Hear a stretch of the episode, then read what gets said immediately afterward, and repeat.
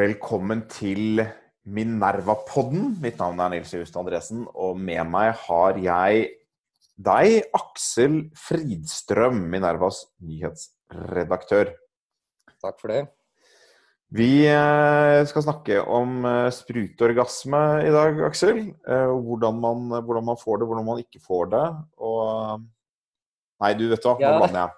Dette er en Dagbladsak som har ligget på forsiden til Dagbladet i mange, mange dager nå. Det, jeg kan jo legge til at det mange ikke vet om, om eh, sprutorgasme, er at det er faktisk snakk om uh, utvannet urin. Det finnes jo ikke noe sånn tre- liksom, tredje hemmelig kroppsvæske som dette er snakk om. Som Mm. kommer ut. Så det er en liten sånn twist på den historien. Men du Aksel, vi, denne podkasten heter det heter pest eller kolera, ja. ja. Den heter pest eller kolera. Ja. Og den handler jo ikke om dette temaet, den handler jo om koronakrisen og de utfordringene den, den byr på for, for vårt samfunn og samfunn over hele verden. Og um, Det som alltid er interessant i, i, i krisesituasjoner, det er både at det blir, det blir fort en kamp om, om narrativer. For det er eh, skyld må fordeles, og heltehistorier må fortelles. og eh, det, det ligger dypt i mennesket. Eh, Man sier jo gjerne at i krig så er sannhet eh, det første offeret. men Det er det kanskje litt i pandemier òg. Du har dykket litt ned i eh, noen spørsmål som, som berører nettopp dette her. altså Både løgn og konspirasjoner og anklager og, og sånn. Det Teorier og spekulasjoner. teorier, og det handler om rett og slett om koronavirusets opprinnelse. Fortell litt om det. Ja, altså jeg rører jo litt borti det som eh, Det er jo en grenseoppgang mot hva som er konspirasjonsteorier her, og hva som kanskje er, liksom er propaganda, og hva skal man tro på, den type ting. Men en av de, de tidligste teoriene, eller tidligste som jeg tror er ganske klart er, liksom, er en konspirasjonsteori, da, er jo at liksom, dette viruset liksom er, det er utviklet nærmest som et, liksom, som et eh, biologisk våpen. Da er det liksom noen som tror på liksom, et sånt laboratorium. Ja, kineserne. i i Kineserne har utviklet dette som et biologisk våpen. Og det er det jo Det er masse historier om det, liksom. Og det tror jeg det tror jeg det er en veldig lite plausibel forklaring. Altså eh, Man har jo allerede liksom et eh, et, et SARS-virus fra før av. Altså den forrige SARS-epidemien. Det var jo mye mye farligere virus egentlig enn denne, enn denne Ja. SARS-epidemien.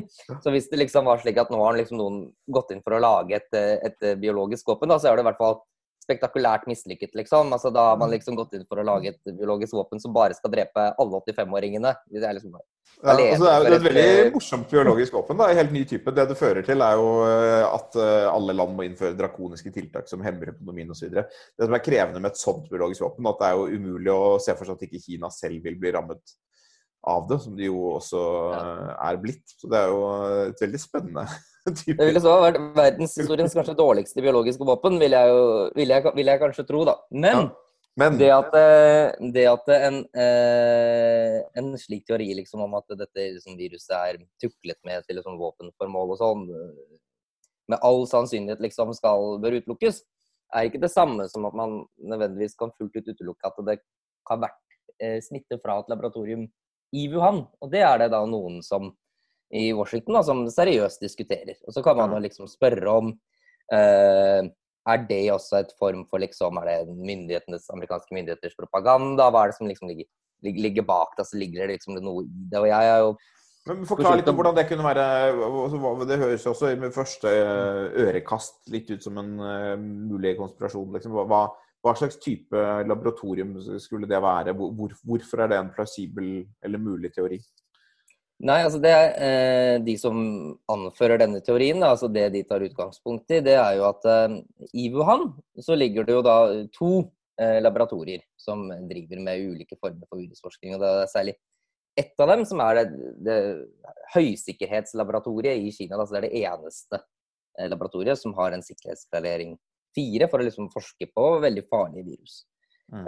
Og det de da ser på der, det er jo da i stor grad altså SARS koronavirus, som også er den type virus som eh, man nå altså, har, har en koronaepidemi basert på. Og bakgrunnen for det er jo eh, egentlig en ganske god intensjon at man har dette laboratoriet, fordi at man har jo da forsket på den tatt utgangspunkt i den forrige SARS-epidemien og liksom forsøkt å kartlegge dette viruset. Og da gjort eh, veldig mange ulike tester antagelig, og, og hvordan er det dette viruset fungerer. Og det kan jo være eh, en nyttig forskning, absolutt. altså Det er en veldig nyttig forskning for å, for å eventuelt kunne forberede seg på et nytt naturlig For man vet at det kommer denne utbrudd, og da vet vi mer om hvordan viruset virker, og vi er lettere å utvikle vaksiner og behandling og Stoppe Så absolutt, eh, absolutt en, en nyttig ting. Og kineserne har jo også fått hjelp av europeere og amerikanere til å, liksom, å opprette dette, dette laboratoriet. Så det er liksom noe alle er enige om at man liksom, det bør man gjøre. Selv om det selvfølgelig er en, en, en, en risiko beheftet da, med ved å ha denne typen temperatur. Og det som eh, man jo diskuterer i, i Washington, er jo at det har vært for et par år siden, så er det jo da sendt eh, et varsel da, via den amerikanske ambassaden i Beijing tilbake til Washington DC. Hvor man er, liksom, uttrykker en viss bekymring da, for liksom, opplæringen til personalet på, på dette laboratoriet. Og liksom, eh, hvorvidt de liksom eh, følger liksom, sikkerhetsrutinene godt nok. da. Ikke sant? Og da, det er jo selvfølgelig helt egnet til å, liksom, så, til å spekulere i, da, ikke sant? om eh, hvorvidt viruset har, liksom, har unnsluppet det laboratoriet. At det, Men hvorfor skal dette være en mer plausibel teori enn at det er et eller annet, eh, en eller annen flaggermus i Wuhan som har, eh, som har smittet? Altså, det må ikke være en mer plausibel teori, men det er en vanskelig teori å, å samtidig å utelukke. Eh, men det som er de som støtter seg på den teorien, eller liksom som anfører den teorien, vil si, da, er at disse flaggermusene som har dette eh, koronaviruset, de, de finnes ikke naturlig i, i Wuhan. ikke sant? Altså, de, de er en helt annen del av Kina, to, over 1000-2000 km unna. da. Så noen må jo da i så fall ha liksom fraktet ganske mye flaggermus til Wuhan, og da enten til dette laboratoriet da, eller til dette eh, matmarkedet, eller at de flaggermusene var smittet over på et annet dyr, som igjen liksom har blitt fraktet til, til Wuhan. Og det er jo plausibelt. altså Det er, klart det er, jo, det er jo langt å, å, å frakte noe 2000-3000 km for å liksom omsette det i et matmarked i Wuhan, men dette matmarkedet i Wuhan er jo et sjømatmarked. eh, Og Wuhan er en innenlandsby, så nesten alt som omsettes der, vil jeg tro liksom uansett er, er har tilbakeløpt tilbakelagt en betydelig liksom, braktdistanse. Mm. Eh, men så har du jo da disse eh, teknikerne på dette laboratoriet i eh, Wuhan, selvfølgelig. De, de benekter jo det, og de har jo samtidig også vært de, de første da, til å faktisk liksom å påpeke liksom hvor dette viruset kommer ifra. Og de har jo da også eh, publisert en artikkel som dokumenterer at denne sekvensen, altså den RNA-frekvensen som det heter, den er jo da 95-6% identisk med hva de liksom har funnet naturlig av, liksom, av flaggermus i Wuhan. da. Mm. Eh, så det er jo ingen grunn til å tro at dette viruset liksom ikke er et naturlig virus. Altså Det er antagelig oppstått naturlig uansett. Eh, så det blir jo da spørsmålet om eh, man kan ha holdt på med dette naturlige viruset inne i dette laboratoriet i Wuhan, og så har liksom en av disse forskerne blitt smittet og tatt med seg Mm. ut. da. Eh, og du kan si at Det som er veldig vanskelig med en sånn type teori, eh, som gjør at det også er et ganske effektivt propagandagrep, da, som noen ønsker å bruke det som et propagandagrep, er jo at det, det er jo nesten umulig å enten bekrefte eller avkrefte. Mm. Ikke sant? Altså Hvis du skal eh, Kineserne skulle avkreftet at det var tilfellet, ikke sant? så måtte de jo da publisert dokumentasjon på liksom alle sånne RNA-sekvenser de har hatt på virus i dette laboratoriet, og så måtte man få mulighet til å sammenligne det med det viruset som finnes i pasientene, for å se om det er identisk. ikke sant? Og så må man stole på at kineserne var åpne og ærlige, og det, det gjør man jo ikke. Ja, og det er det jo ingen som gjør, ikke sant? Så kineserne vil ikke kunne egentlig ikke kunne avkrefte en sånn påstand på en effektiv måte uansett, for det er ingen som vil stole på den dokumentasjonen. Men, hvorfor? Det er litt interessant.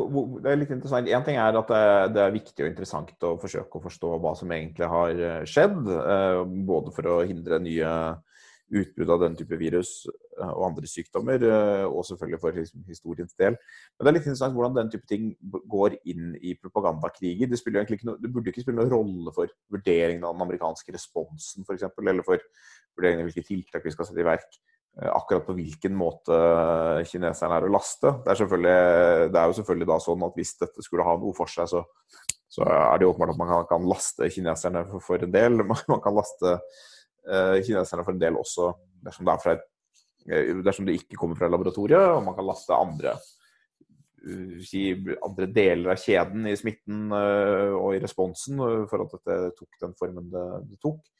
Eh, Men eh, bruker, man får inntrykk av at dette brukes eh, i USA også som en måte å måte, si at dette er et angrep på vår nasjon, liksom, og vi, vi kjemper heltemodig. Men det er jo ikke noe narrativ som egentlig gir mening, uavhengig av hva som er sant. så er ikke det noe narrativ som gir så veldig mening. Fra, Nei, men jeg tror jo det, De fleste lands nasjonale myndigheter har jo ofte et behov for å liksom skylde på noen andre. Da, enten, og det, det, skjer jo nesten alltid i politikk på et eller annet vis. Så det er jo i så fall et grep om å forsøke å, å, å skylde på noen andre. Eh, eller øh, svarte jeg helt på spørsmålet ditt der? Ja, ja altså det, er, det, jo det det er. Men jeg, jeg tror du det vil ha noe Tror du det vil fungere i USA? Tror du folk egentlig øh, kommer til å bry seg altså om et par måneder hvis det er høy arbeidsløshet og mange døde? og liksom er det Kommer man til å bry seg om dette kommer fra et laboratorium, eller om det kommer fra, øh, direkte fra en flaggermus, eller liksom akkurat hvordan det, det kom? Jeg tror det har potensial til å produsere ganske mye forargelse, i hvert fall. Og det er jo klart at hvis du la oss si at uh, amerikanerne ønsker å iverksette veldig mye mer drakoniske tiltak mot Kina. Altså, mm. altså, virkelig ta igjen, så er det jo klart at det, da vil jo en slik fortelling da, gi en helt annen kulisse for en, en, en, en bakgrunn. Ja. Sånn men, men, men, tror du vi gir en sånn rally around the flag-effekt rundt Trump, f.eks.? Altså vil da den type politiske effekter, eller er det ikke så sannsynlig? Det er i hvert fall enklere for Trump å, å, svare på kritikk mot dårlig håndtering av denne epidemien dersom han kan peke på noen andre. da, ikke sant? Altså Hvis du kan peke på at uh, kineserne Dette lakk ut fra et kinesisk laboratorium. De var veldig forsinket med å, liksom, å forklare hva som hadde skjedd, og gjorde ting som gjorde det vanskeligere for andre land å forberede seg, så ville jo det også kunne være en slags unnskyldning da, for ikke å ha gjort i hvert fall fungere som en unnskyldning for ikke å ha gjort nok, eh, nok preventive tiltak. Samtidig så har jo det ville jo vært mulig for amerikanerne å agere mye raskere på dette viruset enn det de har gjort, helt uavhengig av den forklaringen er sann eller usann. Det er jo så veldig godt dokumentert at Trump bagatelliserte eh, viruset på et tidspunkt hvor andre var klare at det var alvorlig. Så det var liksom ikke så lett å bruke det som unnskyldning, egentlig. Men dette her med å legge skylden på, altså det har man jo Trump bestemte jo i går at man skulle kutte finansieringen til WHO. WHO, får vi kanskje si. Som jo kan ses litt i sammenheng med, med, denne type tankegang. Da. Altså at WHO heller ikke har gjort jobben sin og, og ikke, eh, ikke, varslet vestlige myndigheter raskt nok om at dette viruset smitter mellom mennesker og osv. Det kan det kanskje være noe i, men det er også en sånn interessant eh, kamp om narrativet og, og, kanskje også kamp om fremtiden til internasjonale organisasjoner. Har du noen tanker om det også? Ja, jeg tenker Det er jo lurt her å kanskje ha to tanker i hodet samtidig. For den ene tanken er jo ikke sant, Er det plausibelt at eh, Kan man liksom si at her har WHO kanskje ikke gjort en god nok jobb? Og det er jo helt naturlig liksom å etter en sånn epidemi også gjøre en grundig granskning ikke sant, av hva er det WHO egentlig har gjort. Og eh, gjorde WHO nok på et tidlig tidspunkt for å liksom skaffe seg tilstrekkelig informasjon om dette viruset fra kinesiske myndigheter, og hvordan var liksom var dialogen mellom WHO og Kina. Det er jo ett spor, ikke sant? og det kan jo godt være at man Eller man bør jo, etter denne epidemien, som gjør en ganske dyp granskning av om det er tilfellet. Og hvis det er tilfellet, så bør det kanskje også få en konsekvens for hvordan WHO fungerer. Men det er også eh, Det er antagelig eh, eh, vil det også komme en tid for det. Og jeg tror ikke tiden for liksom, å, å, ha den diskusjonen er sånn umiddelbart.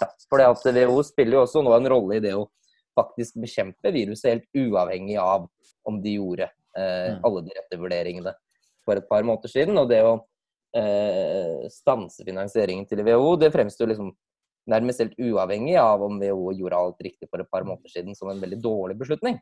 For det, det har jo reelt negative konsekvenser for den muligheten man har til å begrense pandemien nå. Helt uavhengig om de gjorde det riktig. Så er det noen andre dilemmaer som altså dette, dette, går litt inn i sånn synet på FN og synet på andre organisasjoner. Jeg, jeg er ikke noe ukritisk uh, alltid tilhenger av um, alt, uh, alt som har med FN å gjøre. Det, er en organisasjon med veldig dype problemer på mange måter. Men noen av de dype problemene ligger jo litt sånn som en nødvendig del av eh, sånne organisasjoner. For nettopp fordi de skal være, hvis de skal være globale, hvis de skal ha muligheten til å fungere som, eh, som verdenssamfunnets eh, hva skal man si, koordinator i visse typer globale situasjoner, sånn som dette her, så må land som Kina være med. Og, det, og, og land som, hvis land som Kina er med, så vil noen av de problemene eh, med den type naturlig land oppstå. naturlig oppstå. Eh, og noe, noe, av det skyldes det kinesiske regimet, den type regime, noe skyldes bare altså interesseforskjeller og andre ulikheter mellom land som er helt uunngåelige i enhver global orden. Uh, og det, er liksom, det, det, at FNs sikkerhetsråd ofte vil være impotent, det at uh, det alltid vil være mange regimer med ekstreme menneskerettighetsbrudd representert i Sikkerhetsrådet osv., det er liksom det er det ordet vi brukte sist, det er feature, not a bug med den type organisasjoner. Fordi hensikten er at de skal være representert. Så hvis man nå på det sier vi trekker oss ut fordi WHO å måtte ta hensyn til Kina og dermed gjøre noen uh, uklokke, dårlige, uh, urimelige vurderinger eller, eller, feil eller mangler, så, så, sier man jo også at vi overlater denne type organisasjoner i økende grad til, til, Kina, som i økende grad er i stand til og i noen grad villig til å overta en sånn ja, for, på litt sikt er en slags hegemonrolle i den type organisasjoner. Enn så lenge så vil europeerne kunne liksom ta noe av det rommet, men de vil også da bli, hvis USA er ute, så vil man jo bli mye mer uh, avhengig av hva, hva, Kina velger å gjøre. Og så vil WHO ved neste korsvei ikke være et, vil være et mye mer kinesisk dominert verktøy enn det var ved denne uh, korsveien. Og amerikanerne kunne nok tidligere liksom kompensere for FN-løsninger og, og ja, internasjonale organer gjennom liksom et eget unilateralt eller bilateralt globalt nettverk. Men uh, denne type pandemier viser jo også begrensningen ved, sånt, uh, ved en sånn tankegang. Da, at man er avhengig av uh, tidlig varsling fra andre land gjennom institusjoner der man har et ordentlig og godt samarbeid. Liksom. Det, er, jeg tenker at det, liksom, det, det at WHO har svakheter, det er ganske åpenbart. Og så er det liksom, hvordan responderer man på det. Og Trump responderer jo sånn som man forventer at han skal respondere, med en veldig, sånn, veldig unilateral impuls. da. Eh, altså, det, tenker, det, det, det, interessante, eller det, lange strategiske spørsmålet, det har vi berørt på Minerva lenge før denne epidemien som kom opp. Men det er jo at veldig mange autoritære stater har jo som en langsiktig ambisjon da, å liksom få forankret sin virkelighetsforståelse i en rekke sånne internasjonale organisasjoner. Og Det gjelder jo ikke bare WHO, det gjelder veldig mye rundt omkring i hva som foregår i, i, i FN-systemet, og til og med, kanskje til og med i Fifa, altså fotballforbundene, ikke sant, så har liksom disse autoritære statene en, en viss innflytelse og, og, og påvirker liksom hvordan, hvordan dette her eh, fungerer. Og så blir jo da det interessante spørsmålet så jeg sier at, at vi er enig i det, da, ikke sant? at det er, del, er en del problemer med disse autoritære landene, som medlemskapene deres og den innflytelsen de får gjennom internasjonale organisasjoner. Så hva er den, hva er den naturlige responsen på det? Eh, og Det er jo to mulige responser. Det ene er at da må vi også ta et større eierskap sant, til de organisasjonene for å forankre våre synspunkter i de organisasjonene. Det er jo én mulig respons. Det andre er at den andre mulige responsen, som er liksom den trumpistiske varianten, altså da bare da driter vi i, i, disse internasjonale organisasjonene. Så si at dette er helt råttent på rot, og så må vi bare bli kvitt hele den internasjonale organisasjonen. Mm. Hvis man skal følge liksom, den veien, eh, da må man i hvert fall ha en, en veldig, veldig troverdig plan på hva er det du mener skal komme istedenfor. De som WHO. ikke sant? Så jeg si at WHO gjorde disse feilene, de klarte ikke å rapportere korrekt informasjon, eller de tok for mye informasjon fra det kinesiske regimet ukritisk og republiserte det, så det, det er problemet. Vi, tror man Hvis man ikke hadde hatt WHO, liksom, at man da på en eller annen magisk vis ville fått presis informasjon ut av det kinesiske regimet? ikke sant? Antagelig ikke. Så det er ikke sånn at du nødvendigvis løser dette, denne problemstillingen ved å gi, gi å svekke WHO som organisasjon. Altså, det er ingen grunn til å tro det. Da må du i så fall lage en helt annen type organisasjon og ha en plan for det.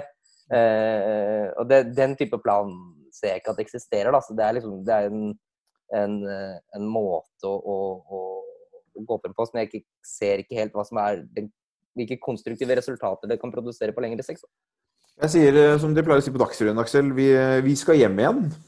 Eh, det er ikke helt sant, vi skal til hjemlige trakter. Jeg hadde tenkt å hoppe litt innom eh, for nå har, vi, nå har vi snakket om saker Du har skrevet en sak om, om uh, opprinnelsen til viruset, og Karin Abraham også, har vel skrevet litt om WHO, om WHO og Kina. Hatt en nyhetssak om det. Men jeg vil hjem til en sak som jeg ikke har skrevet om ennå, jeg vet ikke om jeg gjør det heller, men som jeg syns er interessant. og Det er, det er fra Danmark. Og Det handler litt om det som vi ellers har snakket litt om her. Pest eller kolera. altså Hvilken strategi skal vi velge fremover hvor Danmark har eh, altså Sjefsepidemiologen i Danmark, eh, som heter eh, Kåre Møllbakk, han har kommet med noen interessante uttalelser litt nye forståelser av, av veien fremover. I Danmark, som, som har litt mulig relevans for Norge, som jeg tenkte å diskutere litt. Jeg vet ikke om du har fulgt nøye med på Kåre Møllbakk de siste dagene, Aksel? Eller skal jeg snakke litt om det? Ja, jeg, jeg tror uansett, litt For lytternes del kan det jo være interessant om du får snakke litt om Kåre Møllbakk, så de får konteksten, helt uavhengig av hva, hva jeg har fått med meg. Ja, nei, for Danmark har jo valgt uh, mye av den samme både strategien og tiltakene som Norge har gjort. Altså, de har valgt å slå til ganske hardt for å Eh, få litt kontroll og for å få bedre kunnskapsgrunnlag, og for å være sikker på at man tar det hardt nok, at man ikke risikerer å få overbelastning i sykehusene, at man heller kan slippe opp litt senere. Og de eh, estimerte vel i forrige uke at de var liksom nede i en spredningstakt, altså reproduksjonstall på 0,6. Eh, enda lavere enn Norge, og, og så lavt at da kommer man jo ikke noen vei gjennom epidemien, hvis det er det som er målet. Da, da holder man seg på et veldig lavt nivå smittede og har da en en befolkning som uh, vil mangle immunitet, hvis vi nå forutsetter at, smitte faktisk gir eh, immunitet av en viss varighet.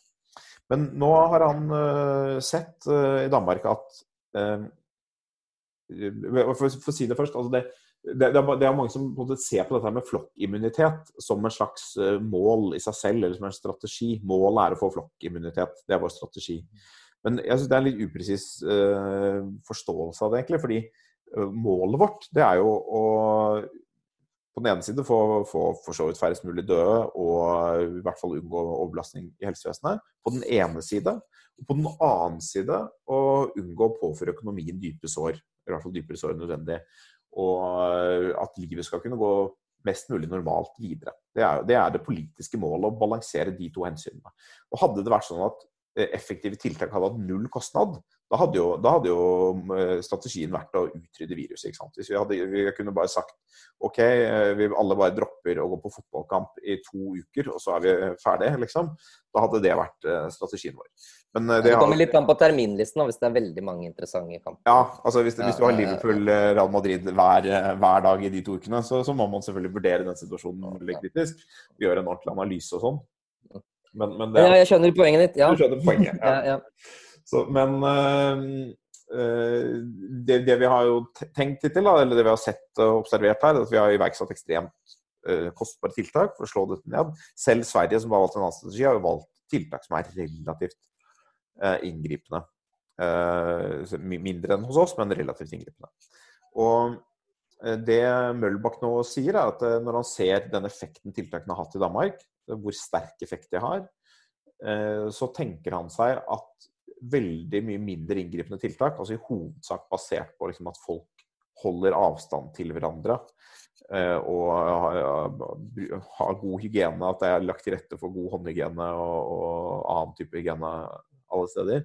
At man også med en sånn strategi Uh, uten veldig mye andre tiltak. Det er sikkert noen andre ting der. ikke sant? At man har ikke kanskje nattklubber med masse alkohol og 500 mennesker på et bitte lite areal. Uh, det er noen noen restriksjoner av den typen antagelig, men at man ellers med en sånn, bare den type lite inngripende tiltak vil kunne ha et ganske lavt reproduksjonstall.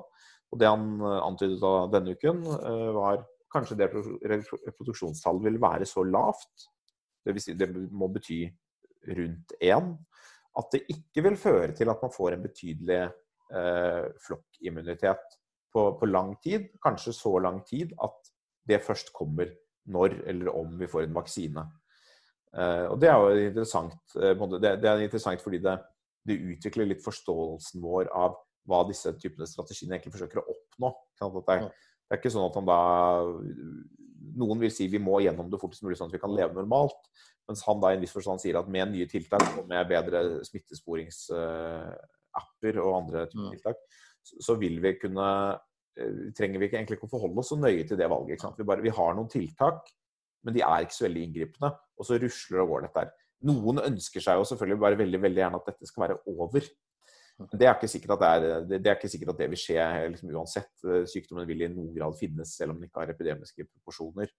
Og noen sårbare grupper vil måtte frykte dette viruset antagelig en, en god stund. Men for samfunnets del så, så, vil jo dette være en alternativ strategi. Jeg synes Det som er litt interessant, er at man ser på, det henger jo litt sammen med at han også antagelig tror at vaksinene kan komme noe tidligere enn det man har kanskje lagt til grunn. Opprinnelig britiske forskere snakket om at det nå kan være 80 sjanse for at man har en vaksine i september klar til, til produksjon i september. Om det er reelt, det, det, kan ikke jeg bedømme, men, men opprinnelig så snakket man jo om liksom minst 18 måneder. Man ser jo sånn, for Folkehelseinstituttet de har vært veldig tydelige på liksom både at en vaksine det vil ta lang tid, antagelig liksom 18 måneder eller mer, og at det dessuten er et spørsmål om eh, ikke bare når, men også om. Og det er det jo selvfølgelig. ikke sant? Vi, vi vet jo ikke at vi kan lykkes med å lage en vaksine dette, mot dette viruset. Men, men det er, samtidig så har eh, Folkehelseinstituttet i noen grad spilt også opp litt muligheten for antiviral behandling. Og det er litt interessant fordi de to behandlingsformene, om du vil, da, altså vaksine og, og antiviral behandling, de har litt ulike implikasjoner for strategi. Altså Hvis vaksinen kommer veldig tidlig, så, så, er det på en måte mer fristende å velge en strategi der færre mennesker dør over ganske kort tid. Uh, fordi det, det, Hvis du tenker deg som en svensk strategi, da, hvis du sier ok, vi, vi skal gjennom det ganske fort, og så dør det 25 000 mennesker i, i april og mai og juni, og så kommer vaksinen 15. juni. Da fremstår det Da var det kanskje litt bortkasta? Ja, da fremstår det som litt dumt, ikke sant. Uh, mens hvis du, uh, hvis du i stedet hvis du, ta en annen strategi, da, hvis uh, du har en svensk strategi, og så får du tidlig i mai, så kommer det effektiv antiviral behandling som gjør at det fungerer veldig bra. men en, det, er ikke, det er ikke så alvorlig å bli syk. Og det gjør ikke noe om spredningstallet er litt høyere. og Sverige klarer seg helt fint, og man kunne klart seg fint med kanskje enda mindre tiltak. Da, da, vil det fremstå som ganske dumt at man har lagt økonomien i grus. Eh, så, så de, to, de to behandlingstilnærmingene har ganske ulike strategiske implikasjoner, og så er begge to helt usikre. Så det er vanskelig for oss å, velge mellom dem. Men det man ser litt, er at det, litt avhengig av hvilken tilnærming folk har en naturlig preferanse for, så vil det vektlegge litt ulikt hva de tror om, disse, om fremtiden for disse behandlingsformene. Det, sånn, det må man kanskje bety at man må ta det litt med en klype salt. Men, men, det som er interessant med, med Mølbakk, den danske epidemiologen, at han har jo vært liksom veldig tydelig på den norske linja, egentlig. Vi må slå dette ned eh, sånn at vi får kontroll. De har vært tydelige på at de forstått skal over på en slags bremsaktig strategi etter hvert. Eh, men eh, de har tatt for gitt måte, at det er ikke mulig å komme lavere enn liksom 1,3-1,2 uten veldig inngripende tiltak. Eh, så Derfor har man på en måte slitt med disse dilemmaene. Og Nå sier han kanskje det ikke er Kanskje vi er så flinke når vi nå har fått liksom denne vekkeren. Kanskje vi er så flinke bare til å holde avstand og, og ja, ta de forholdsreglene som er nødvendige, at vi ikke trenger så veldig mye mer. Om det er riktig, det vet vi jo ikke ennå, for vi har jo ikke prøvd en situasjon med bare den type tiltak. Vi har vært kombinert med andre typer tiltak. Men, men, det blir veldig spennende å se hvordan det går fremover. Det, det kan komme til å ha litt spille litt inn i den norske debatten også, hvordan det her egentlig eh, utvikler seg fremover. Sammen med det som vi snakket om i forrige podkast, Aksel, som er vi kommer til å få vite mer om hvor alvorlig sykdommen egentlig er, hvor store mørketall det er, hvor mange som eh, egentlig har dette uten å merke noe som helst. og Da kan det jo også vise seg at eh, liksom et, et, høyere spredningstall heller ikke er så veldig alvorlig. At vi, eh, I hvert fall ikke for helsevesenets del. Og så må man, eh, vi kommer til å få mye interessant kunnskap antagelig de neste ukene som gjør det lettere å liksom treffe med god strategi. Og så vil noen innvende ok, vi har påført, uh, vi har påført økonomien en del sår i mellomtiden. Det mener jeg kanskje var uunngåelig. Men, men, det er en Du vil i hvert fall til å være i en bedre posisjon til å ta en ganske gjennomtenkt valg relativt snart. Vi har jo også en ganske interessant nyhetsartikkel i dag som siterer et, eh, et studie fra New York, også hvor de har screenet alle gravide eh, i eh, mars-april og testet da, og funnet eh, koronasmitte hos eh, rundt litt i underkant av 15% tror det var 14,4.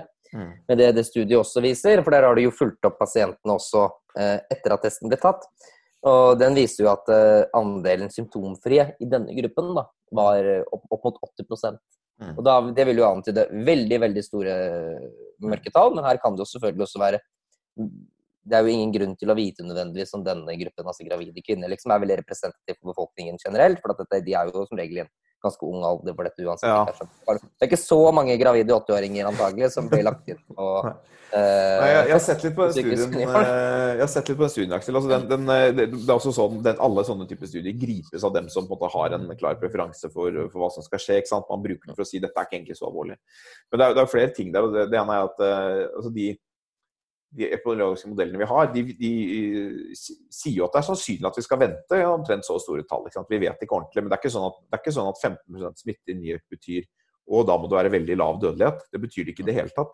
Altså, på, i, i, New York by så er allerede eh, 0,1% av hele befolkningen døde av koronavirus.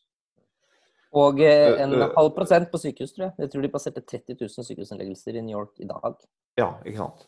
Så, så, så, så allerede er 0,1% døde. Så du kan si hvis, hvis bare 15% er smittet, så vil jo det være en ganske høy dødsrate bare, bare, der.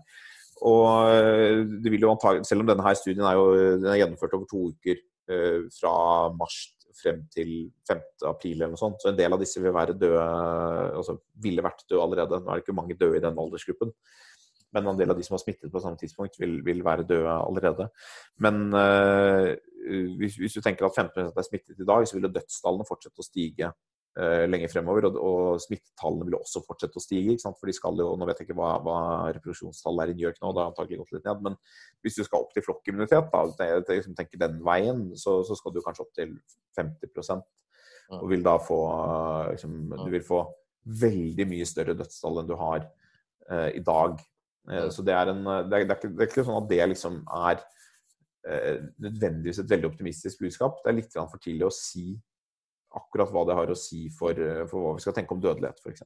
Men det man uansett kan håpe på, er jo at det allerede er, er veldig mange smittede. ikke sant? Også jo ja. flere som allerede er smittet, jo, bedre er det. Jo, bedre er det. For det betyr jo også at eh, viruset vil brenne ut. da, Fordi de ikke ja. finner nye og Ja, det er klart. Det er det å håpe på. Hvis det var 14-15% smittede i New York ved månedsskiftet, så mm. kan det jo tyde på at de vil liksom komme til det punktet der hvor det, det smitter Ja, det viser jo altså det, det, er jo det man håper. Det, men altså, New York har jo også innført lockdown og antagelig har jo et mye lavere reproduksjonstall nå. Så selv om du har 15% smitte da, så er det, det er jo sikkert blitt høyere, men det er ikke sikkert liksom det har blitt Eh, det fortsetter ikke å doble seg raskt når man iverksetter eh, tiltak, så det vil jo ta, ta litt tid der også. Men det som er, hvis vi bare sammenligner med Norge Norge er nok i den situasjonen at vi ikke er i nærheten av 15% smittede ennå. Eh, og Det skyldes jo bl.a. at vi dels ikke hadde så veldig mange smittede til å begynne med, og dels iverksatte tiltak relativt kraftig relativt tidlig. Men bare for å sammenligne med, så folk har liksom en idé om proporsjonene. I New York så er det da er det 8500 som er døde av en befolkning da, altså New York by. New York by, ja. Mm. Eh, og det er en befolkning da på litt over 8 millioner. 8,3 eh, millioner. Det er mindre enn dobbelt så mye som Norge. Eh, og tyder jo da på eh, relativt høye dødsrater. Og så er det en del forhold som tilsier at New York burde ha høyere dødelighet. Det heter dødelighet, ikke dødsrater, selv om jeg sier feil hele tiden. Men høyere dødelighet enn en Norge, fordi de har flere overvektige, uh, flere med andre typer underliggende helseproblemer. Høyere luftforurensning? Høyere luftforurensning uh, og en del andre typer type utfordringer. Større fattigdom, større økonomisk ulikhet. Delvis dårligere tilgang til helsehjelp for en del av befolkningen. så det er, det er, mange grunner som forklarer, eller ville kunne forklare om de har en høyere dødelighet. Men det, det er ikke noe sånn man skal ikke tenke at dette er eh, liksom bagatell basert på, på, New York, fordi New York er allerede langt forbi at dette er en, en bagatell. Ja. Og viser på en måte litt det samme som vi har sett i, sant, i Italia. Og når du kommer i en sånn situasjon, så, så, kommer man veldig fort i en situasjon der man ikke har så veldig mange andre valg enn å kjøre en lockdown. Så, så, er spørsmålet er det best å ha en lockdown på det nivået, eller er det best å ha den her? Vil New York snart være ferdig liksom, med sin uh, epidemi? Det kan man jo håpe på, i hvert fall. Men eh, ja, jeg vet ikke om vi ble noe klokere, Aksel. Eh, pest eller kolera? Vi er vel fortsatt på både pest og kolera? Den som fortsetter å høre på, på poden, vil kunne få svar. Vi er jo åpne for å endre synspunkter. Ja. Vi, vi, er jo det, men du, eh, Aksel, eh, vi pleier å reklamere litt for, for, at folk skal abonnere på Minerva. Jeg, jeg, orker ikke å ta en lang harang om det, eh, fordi folk vet jo at de, de kan jo også abonnere på Dagbladet Pluss, og da får du muligheten til å lese denne sprutorgasmen som jeg innledet med. Og det er ikke så lett for oss å liksom, konkurrere med det. med det. Men jeg vil bare si allikevel til lytteren at det, det, går jo faktisk an, da, hvis man ikke vil at Minerva skal gå liksom, out of business, så går det jo an å abonnere på Minerva. Du får, får, første periode gratis, for, eller ikke gratis, men for én krone. Og så er det rett og slett 89 kroner måneden, eller 699 kroner i året. Og øh, hvem vet, kanskje det kommer en sak om sprutorgasme. Det vet jeg ikke. Det... Vi kan i hvert fall ikke utelukke det, på samme Nei. måte som at smitten kommer fra laboratoriet i Wuhan. Begge deler kan, kan skje. Det kan skje. Men uh, takk for i dag, Aksel. Jo, takk for den praten.